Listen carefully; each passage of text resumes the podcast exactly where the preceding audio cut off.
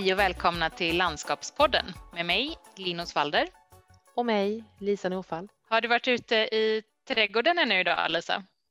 Ja men det har jag faktiskt. Det var lite regnigt här i morse men det klarnade upp så jag har varit ute en liten stund idag och tittat på eh, småfåglarna som tog sig ner från träden och började liksom födosöka på marken efter regnskuren. Hur eh, är det med dig? Har du varit ute idag? Jo, men det har jag också gjort. Jag och hunden brukar alltid gå ut här på morgonen. Eh, vi tar en liten runda i trädgården och jag brukar titta igenom alla växter lite, och se vad som har hänt under natten. Eh, jag är ganska nybliven hus och trädgårdsägare här så det är första gången jag har en, eh, en egen trädgård. Så det är väldigt kul att följa hur den utvecklas och se vad som kommer upp. Just det, det är ju superspännande att se när man inte riktigt vet vad som finns där nere i marken som kommer nu under våren och det kommer säkert fortsätta hela året. Ja, ja men verkligen och de som har bott här tidigare har ju lagt jättemycket tid och pengar märker man ju på trädgården det är en otrolig variation av växter, massa olika fruktträd, valnötsträd, jättefint med alla lökar som har varit uppe här nu under tidig vår. Så att ja, det känns helt fantastiskt. Ja, men det är det ju verkligen. Jag tänkte också på det mycket när eh, jag flyttade till mitt hus, att eh, man känner som tacksamhet för de som har bott där innan och eh, under många, många år satt ner allt det här i marken som vi nu kan ta över och fortsätta förvalta. Ja, man känner lite press att ta hand om allting. Precis, den kommer också. Mm. Ja, för vi tänkte ju idag att vi ska prata om eh, trädgård och bostadsgårdar eh, och kanske egentligen inte med så mycket fokus på, på växter eller så där, för det är kanske inte varken din eller min expertis riktigt, utan vi tänkte prata om det mer som den här bostadsnära utemiljön Ja, och prata om det utifrån ett landskapsarkitektoniskt sätt, alltså hur vi använder oss av den här typen av miljö och hur den eh, kan utformas. Precis.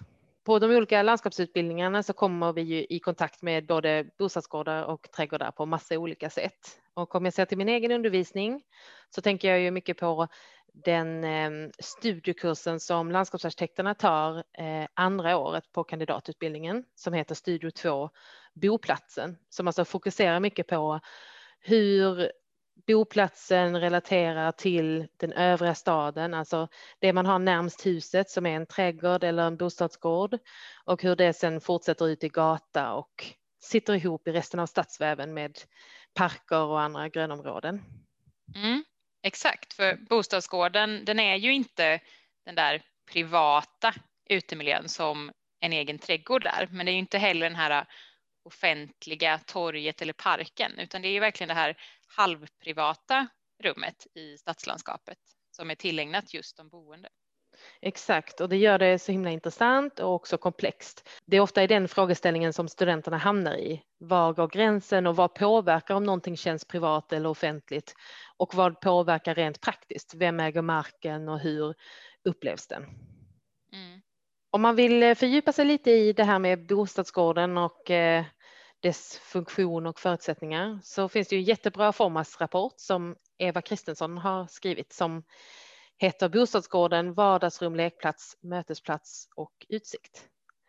Och eh, där definierar hon bland annat just de här fyra rollerna för bostadsgården. Att den är det där bostadsnära uterummet som man använder i sin vardag. Det funkar också som en lekmiljö och en mötesplats mellan grannar och att det också är en utsikt. Mm, precis. Och Eva skriver ju också om olika typer av brukare av en bostadsgård eh, som kan delas in då i den aktiva brukaren som ju är den brukare som faktiskt fysiskt använder sig av bostadsgården och utemiljön genom att interagera med andra, att verkligen använda den genom att röra sig på den, sitta Eh, på olika platser och göra olika aktiviteter. Sen finns det då den passiva brukaren som nyttjar bostadsgården fast kanske mest på ett visuellt sätt, alltså att man tittar på den, har den här utsikten från sin balkong eller sin uteplats och betraktar andra brukare som använder sig av den mer fysiskt. Och sen finns det också icke-brukaren som faktiskt inte alls bryr sig om sin gård särskilt mycket utan eh, inte egentligen reflekterar över dess vara eller icke vara. Och det här är ju intressant att fundera kring om man alltid tillhör en viss kategori eller om det faktiskt är så att utformningen av utemiljön gör att man börjar tillhöra en eller om en annan brukargrupp beroende på hur attraktiv man tycker att gården är. Sen kan man ju titta på det lite utifrån aktiviteter och hur man rör sig i staden. Jan Gehl pratar ju väldigt mycket om det, just den här rörelsen mellan husen och i staden. Och han brukar ju dela in aktiviteter också i tre olika grupper. I nödvändiga aktiviteter, valfria aktiviteter och sociala aktiviteter. Och det här är ganska intressant att titta på utifrån just då bostadsgården och hur vi nyttjar de här väldigt bostadsnära utemiljöerna. För de nödvändiga aktiviteterna, det är ju sånt som varje människa måste göra. Alltså vi måste gå och handla mat, vi måste ta oss till och från jobbet, åka till skolan eller övriga ärenden som vi behöver göra i staden. Och det blir ju då att vi automatiskt måste röra oss genom våra utemiljöer. Och de här aktiviteterna påverkas ju i ganska så liten grad av hur den omgivande miljön ser ut. Eh, vi måste ju röra oss där oavsett eller ej om vi tycker att utemiljön är attraktiv. De valfria aktiviteterna, eh, då är det ju att vi människor då väljer att medverka i någon form av aktivitet utomhus. Och det kan ju vara till exempel som att eh, sätta sig ner och sola någonstans, eh, motionera, löpträna, gå en promenad i parken, kanske stanna och mata fåglarna. Alltså allt sånt som vi faktiskt gör när vi upptäcker ett gynnsamt läge för den här typen av aktiviteten. Och till exempel när vädret känns fint och attraktivt och platsen är tilltalande i sig. Så det här handlar ju i grund och botten då om att man uppfattar den fysiska miljön som attraktiv och gör att man, man vill utföra den här sysslan eller aktiviteten. Och sen då de sociala aktiviteterna. Där kan man säga att vi är beroende av andra människor. Alltså det handlar om att vi interagerar med varandra. Det kan ju vara att barn träffas för att leka. Eh, vi stannar till och har en konversation med en granne eller en vän. Eh, men kanske också den här äh, passiva kontakten, att vi kan se och höra andra människor är väldigt viktigt. Och de här sociala aktiviteterna, de uppkommer ju på ett sätt till följd av att människor faktiskt är ute och rör sig i miljön samtidigt. Så på så sätt så är ju faktiskt både de nödvändiga och de valbara aktiviteterna väldigt kopplade och nästan en förutsättning till att vi faktiskt sen utför de här sociala aktiviteterna. Det är ju väldigt spännande. Eh, och Gel säger ju också att människor går dit där andra människor är. Eh, och så blir det ju att om människor väljer att röra sig på en viss yta så kanske andra också dras till det. Jag tänker själv mycket på när man kanske var utomlands förr och man skulle gå på, eh, på restaurang eller så där och man inte riktigt vet vad är inne eller vad är en bra restaurang eller inte. Då tittar man ju väldigt mycket på vart andra människor är någonstans och man väljer ju nästan alltid den där restaurangen där det ser ut att vara liv och rörelse som andra har valt att, att välja just den platsen. Ja, men eller hur? Vi är ju flockdjur. Verkligen. Och jag tänker att det är intressant att tänka utifrån de här aktiviteterna när man utformar en bostadsgård. Att faktiskt fundera kring hur kan jag skapa rörelse på gården genom att då fundera kring vart de här nödvändiga aktiviteterna placeras någonstans. Det kan ju till exempel handla om att man ska gå till och från tvättstugan eller man ska till och från eh, återvinningsrummet eh, vilket gör att man då tvingas röra sig på gården. Det, det, kan ju då uppmuntra till att vi även kommer uppskatta och finna valbara aktiviteter att göra. Och det kan också handla om att vi träffas och möts med grannar och att det kan uppstå de här sociala aktiviteterna. Och där tänker jag också på en fråga som vi ju fick in på Instagram. Eh, där det var en person som undrade just eh, hur många funktioner som man kan få in på en gård eller bör få in. Eh, och dels handlar det ju såklart om hur stor gården är, hur många som bor där och samsas och så vidare. Men Men det är ju ändå väldigt nära det här att just hur mycket ska vi programmera en yta? Vad, vad är det för funktion vi vill ha in? Det viktigaste är ju att man kan göra allt det där som man måste göra och sen kan vi skapa platser för att uppmuntra för eh, mer frivilliga aktiviteter eller sociala möten. Men det är ju människorna som skapar själva mötet och inte vi som skapar platsen. Ja, och jag tänker att som gestaltande landskapsarkitekt så är det väldigt lätt att hamna i det där att fundera kring just oj, hur ska jag få in alla funktioner på platsen? Och vi kanske har en beställare som har olika kriterier som ska in, till exempel kring antal cykelplatser, om vi ska in lekmiljö och så vidare. Eh, men jag tror att vi vinner väldigt mycket på att se det utifrån det andra perspektivet, att vad är det egentligen vi som gestaltare kan göra? Jo, vi kan ju faktiskt skapa möjligheter för människor att hitta de här platserna som är attraktiva och göra valfria aktiviteter. Jag tänker mycket på eh, ett eh, avsnitt jag lyssnade på av en av våra gemensamma favoritpoddar som heter Över min döda kropp. De är ju två kvinnor som pratar om allt inom polisyrket, men sen har de också ett avsnitt varje vecka där de tar upp alla möjliga ämnen.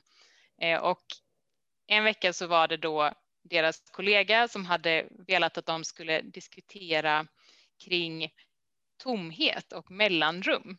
För hon hade börjat bli väldigt intresserad av japansk trädgårdskonst och hade då kommit i kontakt med två begrepp. Där det ena begreppet då var ma, eller vad man nu, hur man nu säger det på japanska, men eh, det betyder i alla fall då mellanrummet mellan fasta objekt.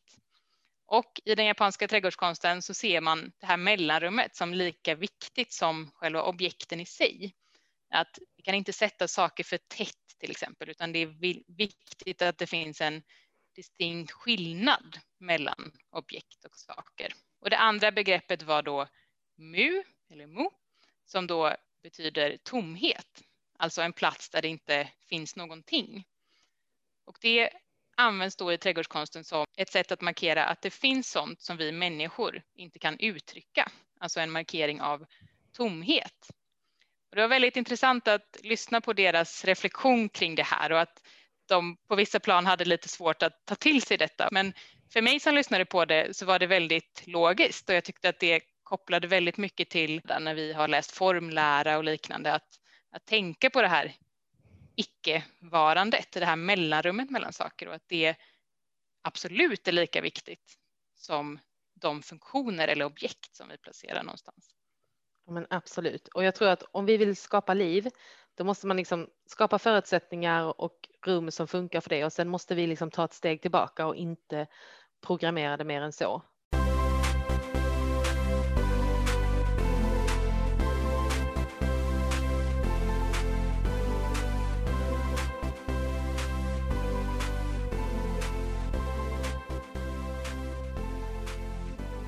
Du nämnde ju Linn att du ganska nyligen har flyttat eh, till ditt första hus och det betyder att mm. du har mm. bott i lägenhet innan. Och eh, jag tänkte att vi kunde prata lite om eh, hur vi har upplevt just skillnaden mellan att bo i en lägenhet och dela en uteplats eller en gård med andra och hur det nu funkar att ha en egen trädgård. Mm. Ja, och det tycker jag är Intressant att du frågar, för jag har reflekterat ganska mycket över det sen jag flyttade till hus. Att min uppfattning av det var nog att nu kommer jag ha den här väldigt privata sfären som är, som är mitt och jag kommer vara ostörd och det kommer vara helt annorlunda än när jag bodde inne i stan eller så. Ehm, men jag upplever inte riktigt att det har blivit så, utan jag tror nog snarare att det finns en större social interaktion mellan grannar här på landet och att det inte alls är ehm, en lika tydlig gräns där att nej, här går man inte in eller här går man in, utan jag har många grannar som eh, väldigt gärna kliver in i min trädgård för att ringa på eller snacka och så där. Och det, det hade ju aldrig hänt i stan på samma sätt, så det, det är jag faktiskt lite ovan vid. Ja, men jag eh, känner absolut igen mig i det där. Alltså att man har en föreställning om att nu kommer jag att flytta till en tomt som är bara min och där finns en häck och så är det slut där och inom den ramen så är jag ostörd. Men att det faktiskt inte riktigt känns så utan att upplevelsen är både, både ganska lik och lite olik hur det är att eh, till exempel ha en balkong eller ha en bostadsgård och var gränsen går mellan privat och eh, det som inte är privat delat med andra. Ja. Det jag tänker mycket på är också hur eh, man tar olika områden i anspråk. För i mitt senaste boende inne i stan i Malmö, då hade vi en balkong och eh, den var en halv trappa upp så det var liksom ganska nära marken och där nedanför så fanns det en planteringsyta med lite olika perenner och buskar och så. Och där fanns också lite jord, eh, liksom öppna jordbitar där både jag och grannen bredvid oss, liksom vi planterade in lite egna växter där och satte ner någon kruka och så. Och den känslan som uppstår när man gör det, när man liksom tar ett litet, litet ställe i anspråk, eh, den, den minns jag som väldigt stark. Att nu liksom, det här är dels min balkong som ingen annan än jag har tillträde till och sen har jag tagit lite plats runt den också i anspråk. Eh, men här i min trädgård nu, då jobbar jag med det där i, i anspråktagandet i hela trädgården. Alltså jag har ju varit och skött och krattat och flyttat saker på varenda kvadratmeter i hela min trädgård. Och genom att investera den tiden i varenda yta, då har jag också skapat någon slags ägandeskap över den marken som är att jag liksom känner den väldigt väl. Eh, och så funkade det ju inte när jag bodde i lägenhet och delade platsen med andra. För visst att jag tog den där närmsta platsen runt min balkong i anspråk, men jag var ju inte ute och skötte på gräsmattan eller ansade buskarna, utan det var ju ehm, en skötselfirma som gjorde det helt enkelt. Så där fanns liksom, där var vi mer jämlika inför den platsen med andra. Så jag skulle säga att det som påverkar hur jag har upplevt liksom privat versus offentligt, det är snarare hur mycket tid och själ jag har lagt ner i platsen än det faktiska ägarskapet. Att jag helt enkelt äger min mark nu. Det spelar egentligen inte så stor roll. Nej, nej jätteintressant resonemang. Och det där tror jag kan påverkas av vilken typ av brukare man råkar bli på en viss plats och på en viss gård. Eh, beroende på hur man känner att man kan ta sig an platsen, alltså hur trygg man känner sig och hur väl integrerad man känner sig i den och ja, vilken kontakt man har med sina grannar och, och de som kanske är mer aktiva i bostadsrättsföreningen och så där. Eh, så det tror jag verkligen ligger någonting i det, att har man en, en, större trygghet och ett mod i att gå ut och använda sig av gården så, så känner man nog också mer och mer den där ägandekänslan kring sin gård, även om den är delad på något sätt. Mm. Och gårdar kan ju se väldigt olika ut också om det är så att man har de här äh, lite mer privata eh, balkongerna och kanske uteplatserna på markplan. Då blir det ju liksom som olika zoner inom gården också, liksom vad som är privat, halvprivat och så vidare. Eh, men på vissa gårdar är det ju inte alls så. Då har man ju bara gården eh, som är nyttjad tillsammans. Innan du flyttade till hus, Lisa, så bodde du i lägenhet. Har du bott på olika ställen där du känt att du haft olika typer av gårdar som du har tyckt bättre eller sämre om? Ja, men absolut. Jag har bott i ett antal olika lägenheter eh, sedan jag flyttade hemifrån och eh, jag tänker på den första lägenheten jag hade. Det var, det var en sån här kringbyggd gård med 100 asfalterad yta. Eh, antagligen för att det var praktiskt att sköta det så. En gång i tiden hade det säkert varit stenlagt och kanske med någon planteringsyta för det var ungefär från byggt på 30-talet. Men det var bara asfalt och nu när jag tänker på det så reflekterade jag inte så jättemycket kring det just då. Jag tror att det var för att eh, det var en tid när man inte var så mycket hemma, var väldigt mycket ute på andra platser eller i parker eller eh, hemma hos andra och sådär. Och då, eh, då besvärade det mig inte så mycket. Sen har jag också bott i ett miljonprogram och det var väldigt intressant på så sätt att den skalan är ju helt annorlunda gentemot andra ställen jag har bott på. Eh, för det första så bor man ju jättehögt upp. Eh, jag tror jag bodde på elfte våningen och det är verkligen, alltså man är uppe i skyarna. Mm. Och sen är det ju också så att vi hade ingen direkt gård som liksom tillhörde vårt hus utan det var en jättestor gemensam öppen parkgård och sen hade man lite cykelställ och så närmst fastigheten. Och även i den gröna utemiljön så var ju skalan helt enorm. Alltså det var ju som, eftersom det var ganska öppet så var det ju nästan som att befinna sig i någon liksom eh, så här fjäll, steppmiljö med de här hårda skyskraporna och sen var det lite mm, naturlika planteringar som var ganska uppvuxna så att det var nästan som små, små eh, skogar. Och sen fanns det ju väldigt mycket, eftersom det var så stort så fanns det ju massa olika lekmiljöer och, och så där, så det var väldigt eh, innehållsrikt. Eh, men skalan var det som var påtagligt varje gång man gick ut, att man var väldigt liten människa i det här stora komplexet. Mm. Och sen har vi då den här senaste bostadsgården som jag nämnde som är en av mina absoluta eh, favoriter. Den eh, låg inne i Malmö och det var ganska små byggnader i tre våningar med ungefär nio lägenheter i varje som låg nästan som eh, stadsvillor så här ganska nära varandra med liksom lite små trädgårdsrum emellan varje sån här eh, lite överdimensionerade villa. Och just de här trädgårdsrummen blev, det blev en perfekt harmoni mellan liksom fasaden och sen eh, den lilla lummiga ytan och sen nästa fasad som gjorde att de här rummen funkade väldigt bra eh, att dela på. Och sen hade alla sina balkonger in mot samma håll och det var väldigt goda förutsättningar för att eh, interagera socialt på ett bekvämt sätt. Och det jag gillar väldigt mycket med de här var att det, det fanns inga staket som liksom avgränsade mot trottoaren och gatan eller mot den omgivande parken utan allt flöt försiktigt men samtidigt var det jättetydligt vad som var privat och jag kände aldrig att det var någon som klampade in på vår gård i onödan eller sådär. Nej. Och om man skulle vilja kolla upp det här om man kanske bor i närheten av Malmö så heter adressen Ängdalavägen i Malmö. Man kan ta en liten cykeltur dit. För jag tycker att det var en väldigt föredömlig skala. Mm. Eh, ett väldigt intressant 50-talsplaneringsexempel. Eh, ja, vad spännande. Du kanske har någon eh, bild därifrån? Ja, men absolut. Det kan vi lägga upp på Instagram.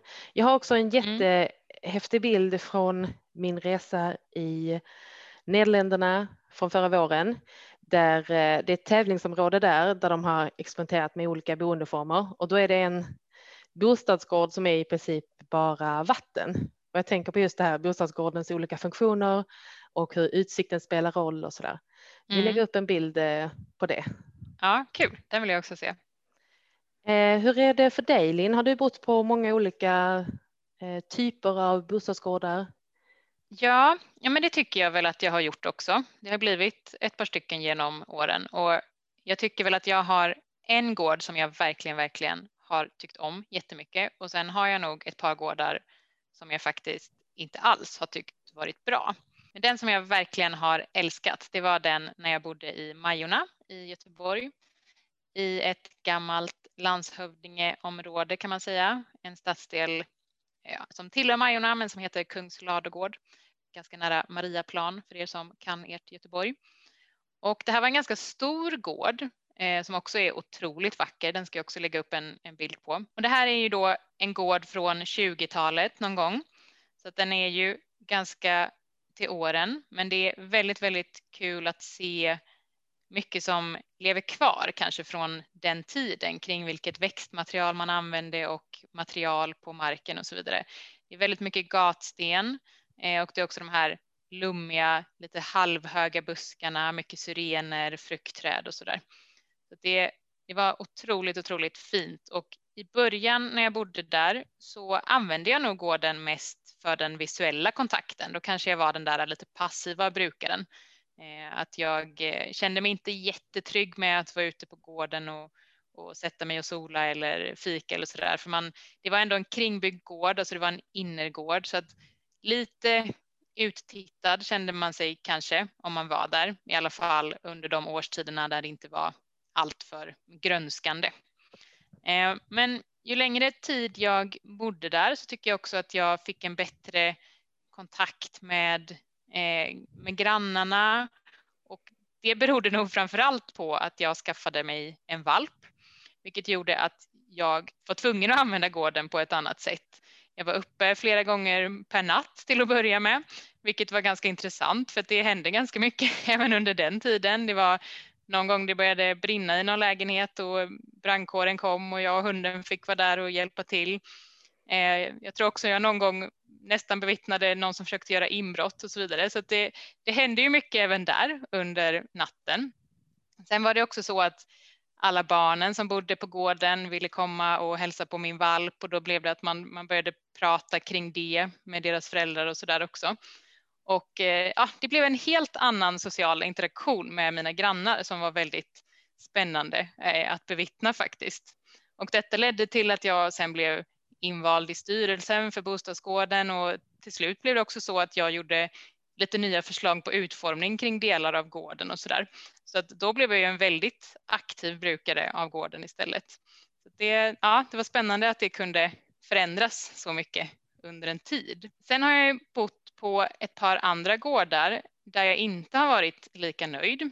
Eh, till exempel bodde jag i en fastighet där det var loftgångar och på gården så ja, gården bestod egentligen av en stor betongyta kan man säga ehm, med ingenting på. Det stod någon enstaka kruka med lite, lite sommarblommor i någon gång ibland.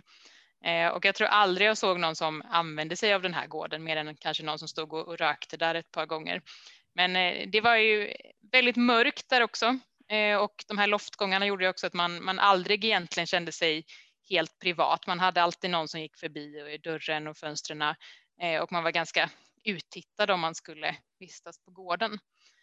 Så det, det var ganska deprimerande faktiskt. Sen har jag också bott på en Eh, nu innan jag flyttade till hus där jag hade en privat uteplats närmast och den nyttjade jag ju ganska flitigt. Men sen hade vi också en gemensam gård som, där tanken var att det var en gemensam innergård.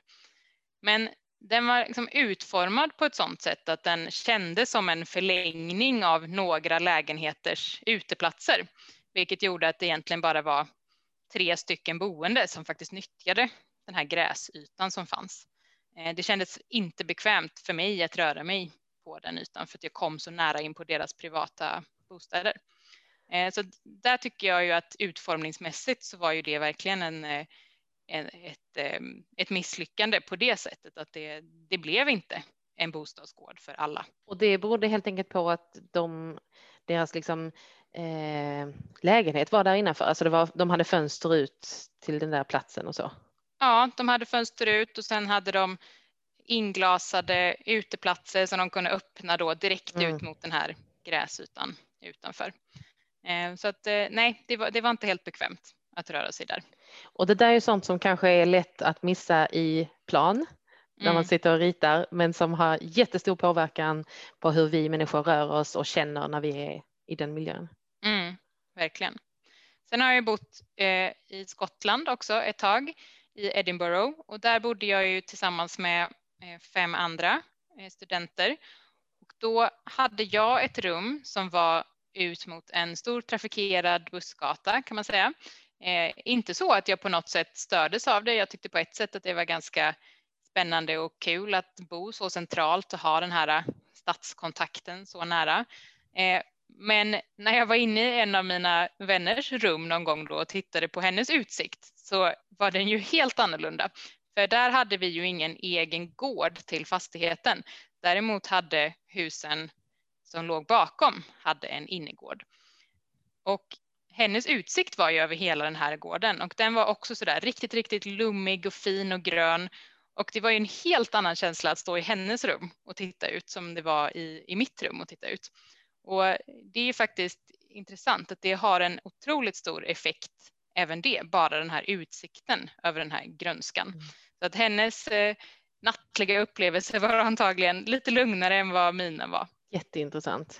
Jag tänker att det är lite som när man har vandrat upp på liksom toppen av eh, något halvhögt berg och så tittar man ut på utsikten. Man vet liksom att jag kommer aldrig gå dit, för dit går inte leden, men man njuter ju av det ändå, minst lika mm. mycket, bara av att se det. Ja.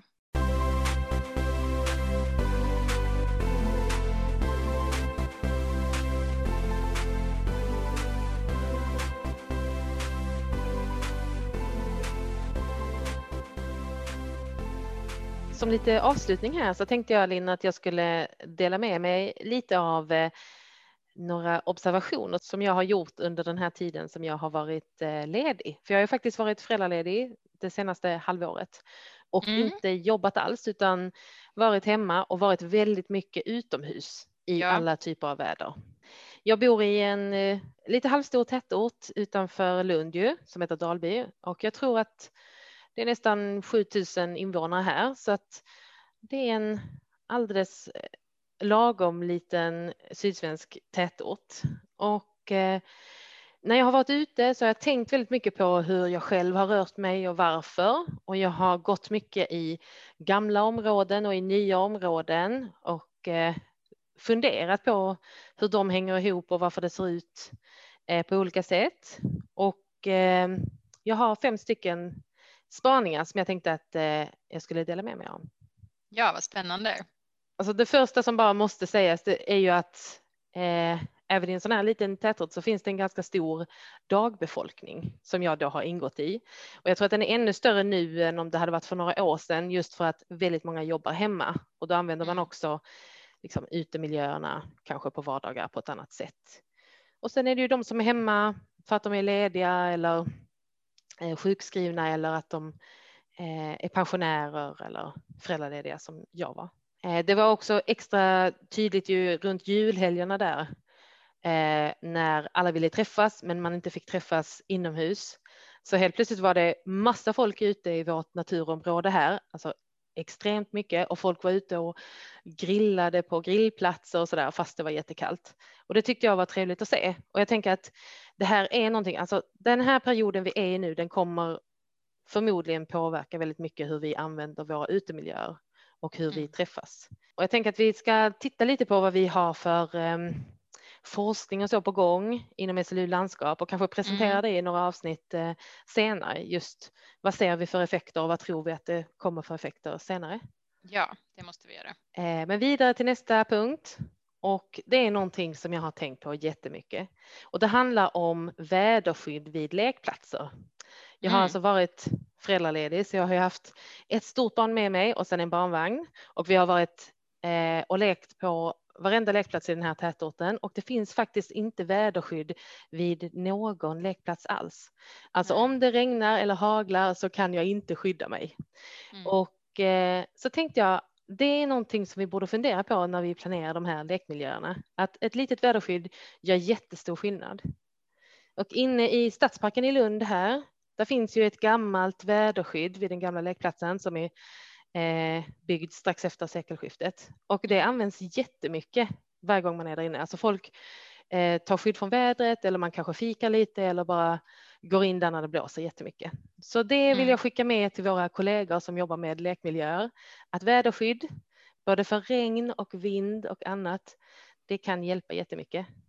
Ja, för precis som du säger så är det ju otroligt mycket fler människor som nyttjar våra utemiljöer nu än vad det har varit innan pandemin. Det kommer nog komma in många saker i gestaltningen som vi behöver tänka mer på.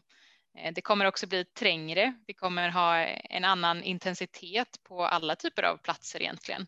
Eh, så det är ju jättespännande att höra dina observationer här. Jag har själv eh, varit i det där naturområdet du nämnde där förut.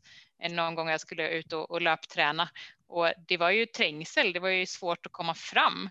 Och i början så blir man ju nästan irriterad över det, liksom. man tänker att nej men flytta på er, jag ska fram här. Men eh, det är ju faktiskt jätte, jättekul att se att det är så många som är ute. För det har ju så många positiva effekter på oss alla.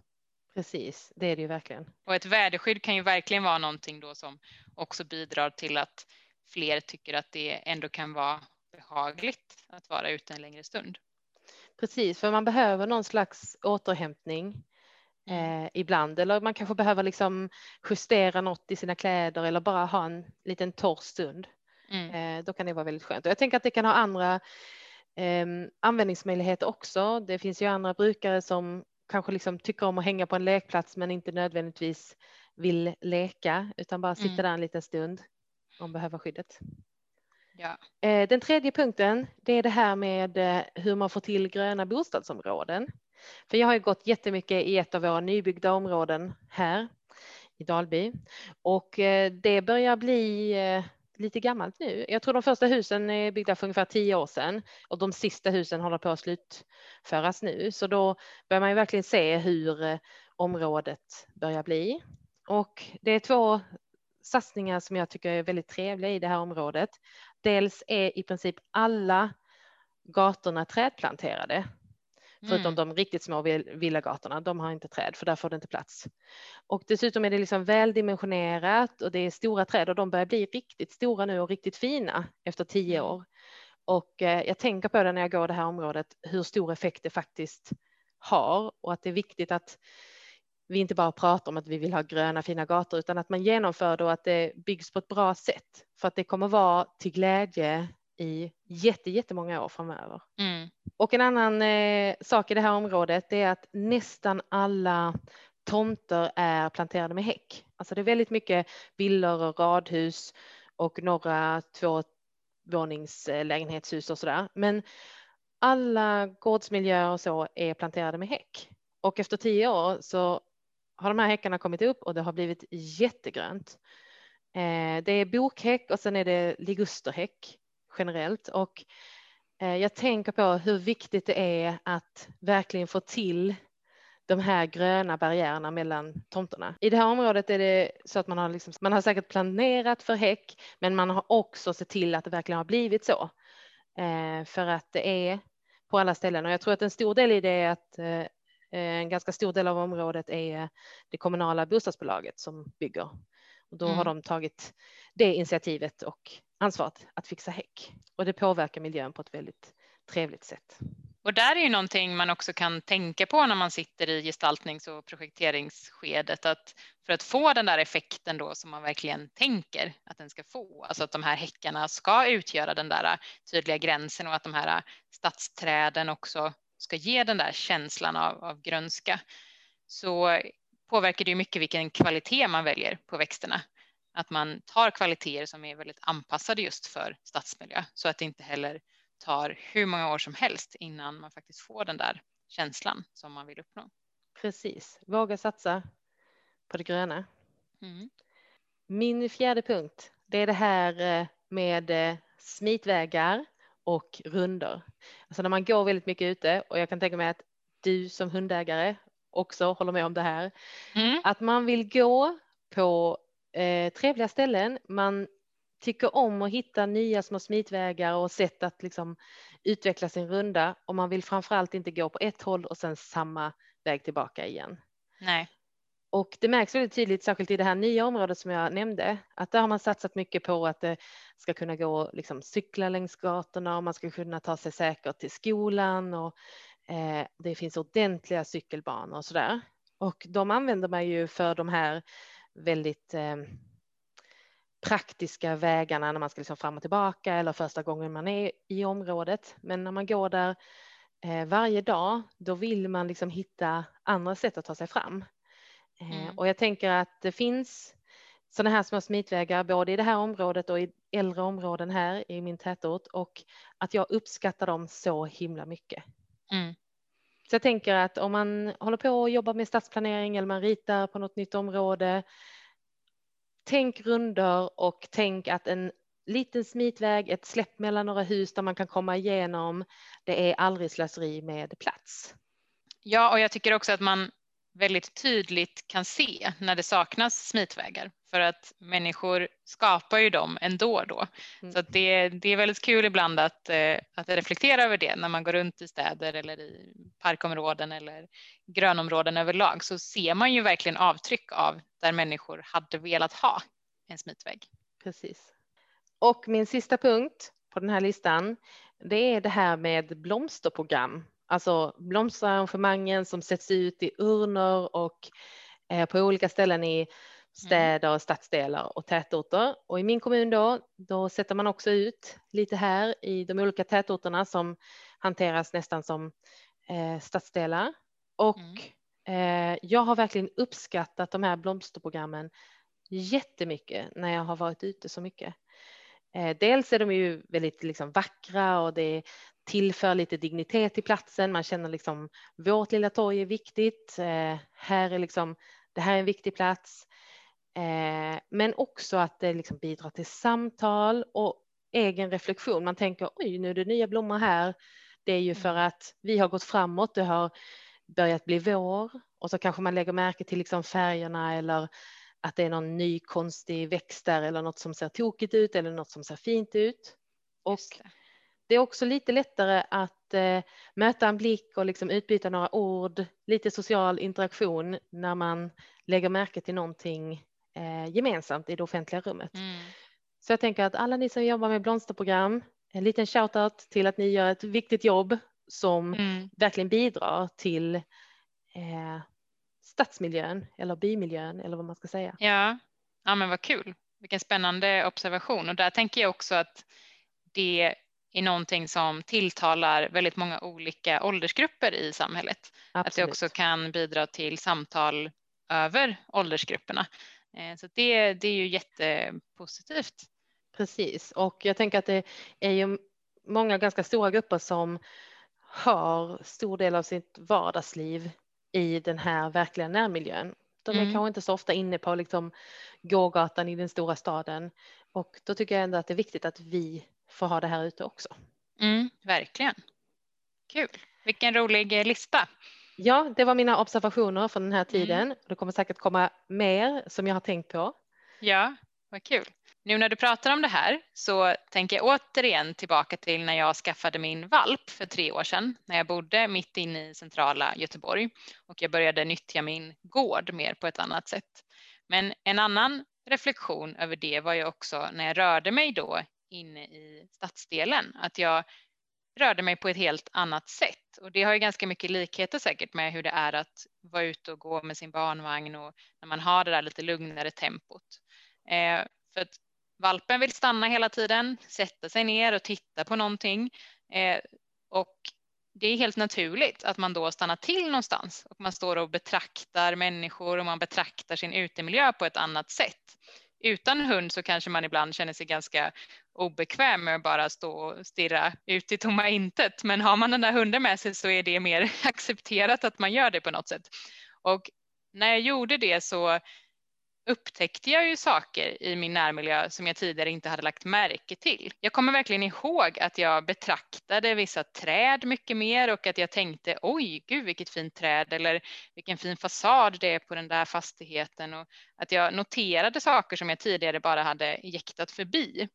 Och det var verkligen någonting som jag tog till mig under den tiden att men gud, jag måste ju stanna till och titta och fundera över min miljö på ett annat sätt. Och det blev ju också väldigt mycket mer så att man stannade till och pratade med andra människor. Man pratade med, med grannar eller de som kom och handlade i närbutiken och så vidare. Och det kanske inte alltid man vill prata med alla, men det är ändå positivt på många sätt att man kan utbyta den där lilla konversationen med någon annan. Och även om inte det för varje gång är jättekul för mig så kanske det är jätteviktigt för den personen att bara få säga åh hej vilken fin hund. Eh, så att ja, jag tycker verkligen att det finns väldigt mycket positivt i att vi bara kan vara lite mer i vår närmiljö. Både på bostadsgården men också ute på gatan. Alltså jag måste ju säga det Linn, att jag har lärt känna så många hundägare under den här tiden. Ja, jag kan Och- tänka mig det. Det är någonting med att det finns en öppenhet och, och man delar liksom den här långsamma rörelsen som du nämner. Och Mm, jag tycker att det är eh, jättebra att lyfta. mm, Och precis som du säger så är det ju så att vår närmsta bomiljö, om det är en trädgård eller om det är en bostadsgård, så sitter den ihop med en gata eller en gång och vidare ut i resten av stadsväven. Och mm. allting hänger liksom ihop där. Ja, ja men verkligen. Och bara för att man kanske alltid har varit en icke-brukare eller en passiv brukare så betyder inte det att man kanske kan börja ta rollen som en aktiv brukare också. Eller tvärtom för den delen. Och det kommer lite roliga bilder på bostadsgårdar på Instagram, eller hur? Ja, det får vi se till att göra. Och ni hittar ju oss på Landskapspodden på Instagram. Och ni kan också nå oss på vår mejladress som är landskapspodden slu.se. Och med det säger vi tack så mycket för idag. Hej då! Det gör vi. Hej då!